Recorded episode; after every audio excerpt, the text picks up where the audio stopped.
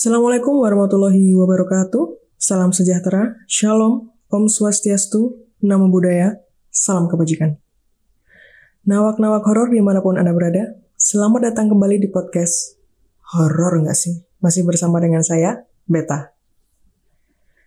Kali ini kita berada di episode yang ketujuh, nawak-nawak horor sekalian. Dan di episode kita kali ini, saya akan menceritakan kembali mengenai pengalaman yang pernah saya rasakan pada waktu saya bekerja menjadi tour leader ataupun tour guide. Sebetulnya nawak-nawak horor, saya memiliki banyak sekali pengalaman-pengalaman misteri yang mungkin kalau bisa diceritakan kepada Anda semua akan menjadi berepisode-episode.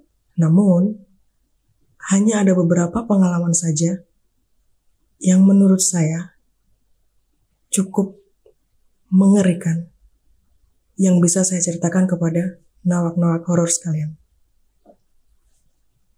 Jadi pada waktu itu nawak-nawak horor, saya sedang menjalankan tugas menjadi tour leader atau escort seperti itu menuju ke kota Yogyakarta. Seperti pada episode sebelumnya mengenai pengalaman saya, kota Yogyakarta cukup menarik, namun juga cukup memberikan saya pengalaman dan kesan yang misterius. Untuk kedua kalinya, saya mengalami pengalaman misteri di kota Yogyakarta. Pada waktu itu saya membawa tamu dari kota Malang menuju ke kota Yogyakarta bersama dengan empat teman saya. Jadi kita total ada lima bus dari Malang menuju ke Yogyakarta. Di hari-hari pertama pada waktu kita berangkat, jadi seperti biasa kita berangkat dari kota Malang, itu pada malam hari. Kemudian berangkat dengan bus kurang lebih 7-8 jam pada waktu itu. Masih belum ada jalan tol.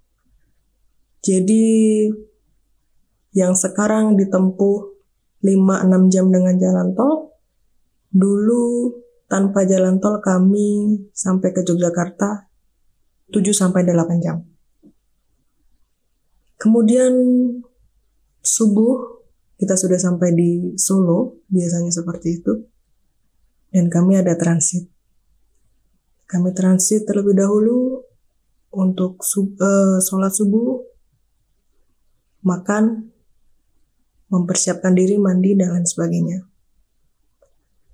Di hari-hari pertama, semuanya lancar-lancar saja. Sesuai dengan rundown yang ada dalam program perjalanan kita. Kemudian pada malam hari, selesai city tour di Yogyakarta, kita check in di sebuah hotel di tengah kota Yogyakarta. Karena kami sangat lelah dan capek. Begitu kita sampai check-in di hotel, setelah kami mengatur semua tamu-tamu kami agar mendapatkan kunci hotel masing-masing, kemudian kami langsung menuju ke kamar kami bersama dengan teman-teman saya. Kami berjumlah lima orang, perempuan semua. Dan kami tidur di satu kamar. Jadi di satu kamar hotel itu, nawak-nawak horor, ada dua bed. Jadi ada dua ranjang dan satu extra bed. Dan pada waktu itu keempat teman saya tidur di ranjang twin share dan saya tidur di extra bed. Karena kami sudah sangat lelah, kami bercengkerama sebentar, mandi-mandi, dan kami pun terlelap. Kemudian pada esok harinya, kami berangkat City Tour Yogyakarta hari kedua. Dan tujuan pertama kita pada waktu itu adalah Keraton Yogyakarta. Begitu kita sampai di Keraton Yogyakarta, seperti biasa kami menyewa guide lokal yang disediakan di sana untuk membawa dan menceritakan semua sejarah mengenai keraton kepada tamu-tamu kami.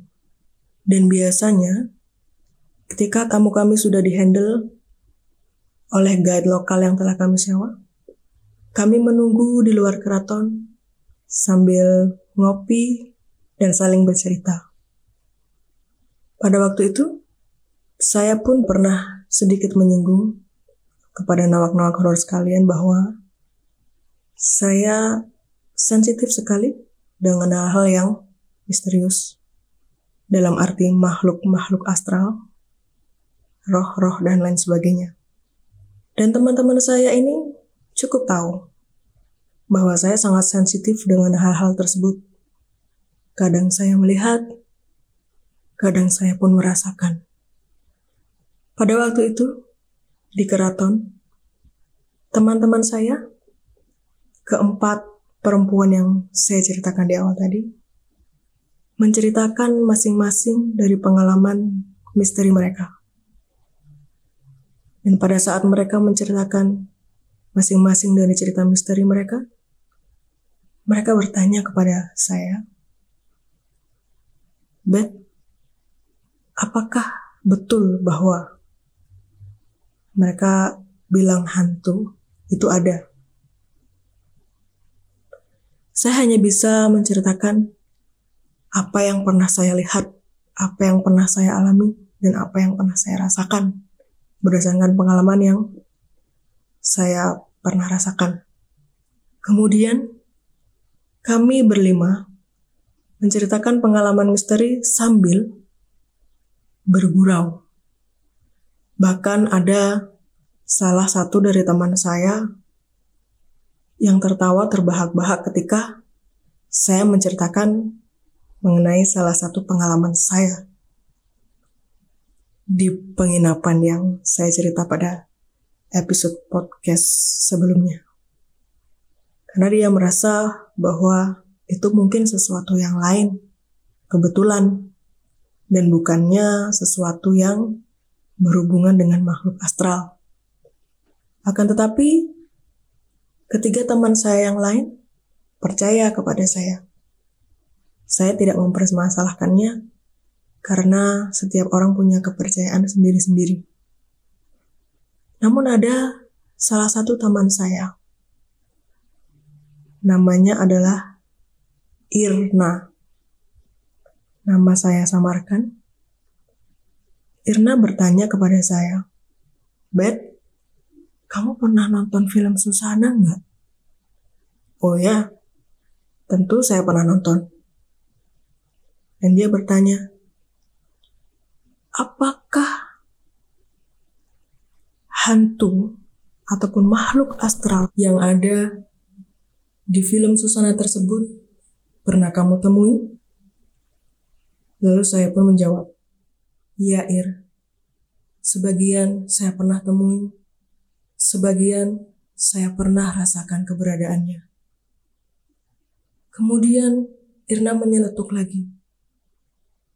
Ia bertanya, Bet, apakah sumber bolong itu ada? Saya hanya bisa tertawa. Saya dengan lantang berkata kepada Irna, Ir, kalau itu saya yakin sumber bolong itu tidak ada.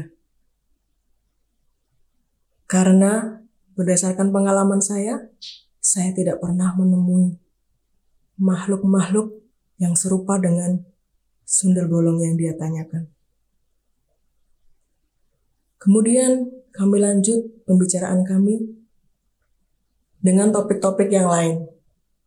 Dan seperti biasa, kami melaksanakan pekerjaan kami sebagai tour leader, menjemput lagi tamu kami yang ada dalam keraton Yogyakarta, kemudian melanjutkan perjalanan kami menuju ke Borobudur. City Tour pada hari kedua berjalan sangat lancar sekali. Kemudian tiba saatnya untuk makan malam. Kebetulan pada saat itu kami makan malam di hotel. Setelah kami makan malam di hotel, kami langsung kembali ke kamar kami, mandi-mandi, dan kemudian saling bercengkerama. Namun, pada saat itu sedikit aneh, karena biasanya setiap malam sebelum kami tidur, kami selalu bercerita, sharing, bercengkerama, sampai kami betul-betul lelah dan tertidur. Saya ingat betul waktu itu masih pukul 10 malam. Setelah mandi dan bercerita sedikit, teman-teman saya tertidur pulas. Masih pada posisi yang sama, keempat teman saya di ranjang twin share dan saya tidur di extra bed. Setelah saya lihat teman-teman saya tertidur pulas, salah satu teman saya yang bernama Yesi tiba-tiba tertawa, seperti tertawa cekikian. Saya kemudian lihat dia. Ternyata dia ngelindur. Saya bangunkan. Yes, yes, Kemudian dia hanya bilang, apa sih? Tidur sana? Saya hanya memastikan. Tidak lama setelah itu, teman saya, Irna, tangannya tiba-tiba diangkat ke atas dan seperti menggerakkan tangannya mirip seorang penari, melenggak-lenggokkan tangannya. Saya pun pastikan, Ir, Irna, apakah dia sudah tidur? Ataukah dia ngelindur seperti Yesi? Dan ternyata sama, dia pun ngelindur. Saya pikir, ya sudah mungkin teman-teman sudah sangat lelah, saya pun juga. Kemudian saya pun tidur menghadap ke salah satu ranjang teman saya. Tidak lama setelah itu, nawak-nawak horor, saya merasa di pundak saya basah. Kemudian saya pastikan dan saya sentuh sendiri pundak saya. Dingin ketika saya menghadap ke arah berlawanan nawak-nawak horor, saya melihat sosok rambut panjang dengan darah bercucuran di pundaknya. Nama horor sekalian, saya langsung lompat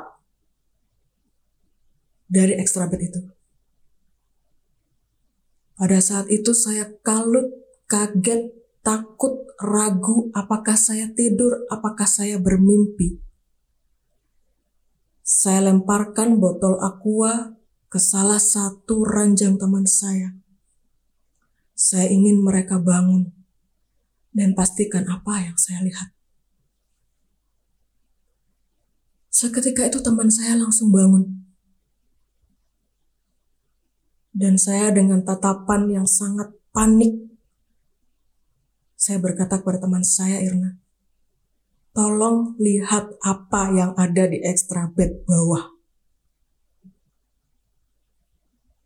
Dia melihat dan tidak ada apa-apa. Seketika itu, saya berniat untuk tidak bercerita kepada teman-teman. Namun, saya memutuskan untuk tidur bersama dengan teman-teman saya di ranjang atas. Kalut, takut, dan itu adalah pemandangan mengerikan yang pernah saya alami dan tidak akan pernah saya lupakan. Namun, karena saya sudah sangat lelah. Setelah saya teguk segelas air, saya berangkat tidur dengan teman-teman saya meskipun mereka heran. Bet, kenapa? Ada apa? Ceritalah. Saya bilang tidak, saya lelah, saya ingin tidur bersama dengan kalian di ranjang atas. Kemudian, pagi pun datang, dan kami masih ada city tour hari ketiga. Setelah itu, kami perjalanan pulang ke Malang.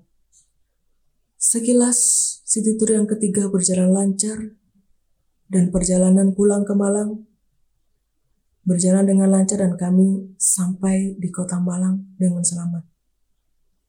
Kemudian setelah kami bongkar, setelah kami selesai mengantarkan tamu kami,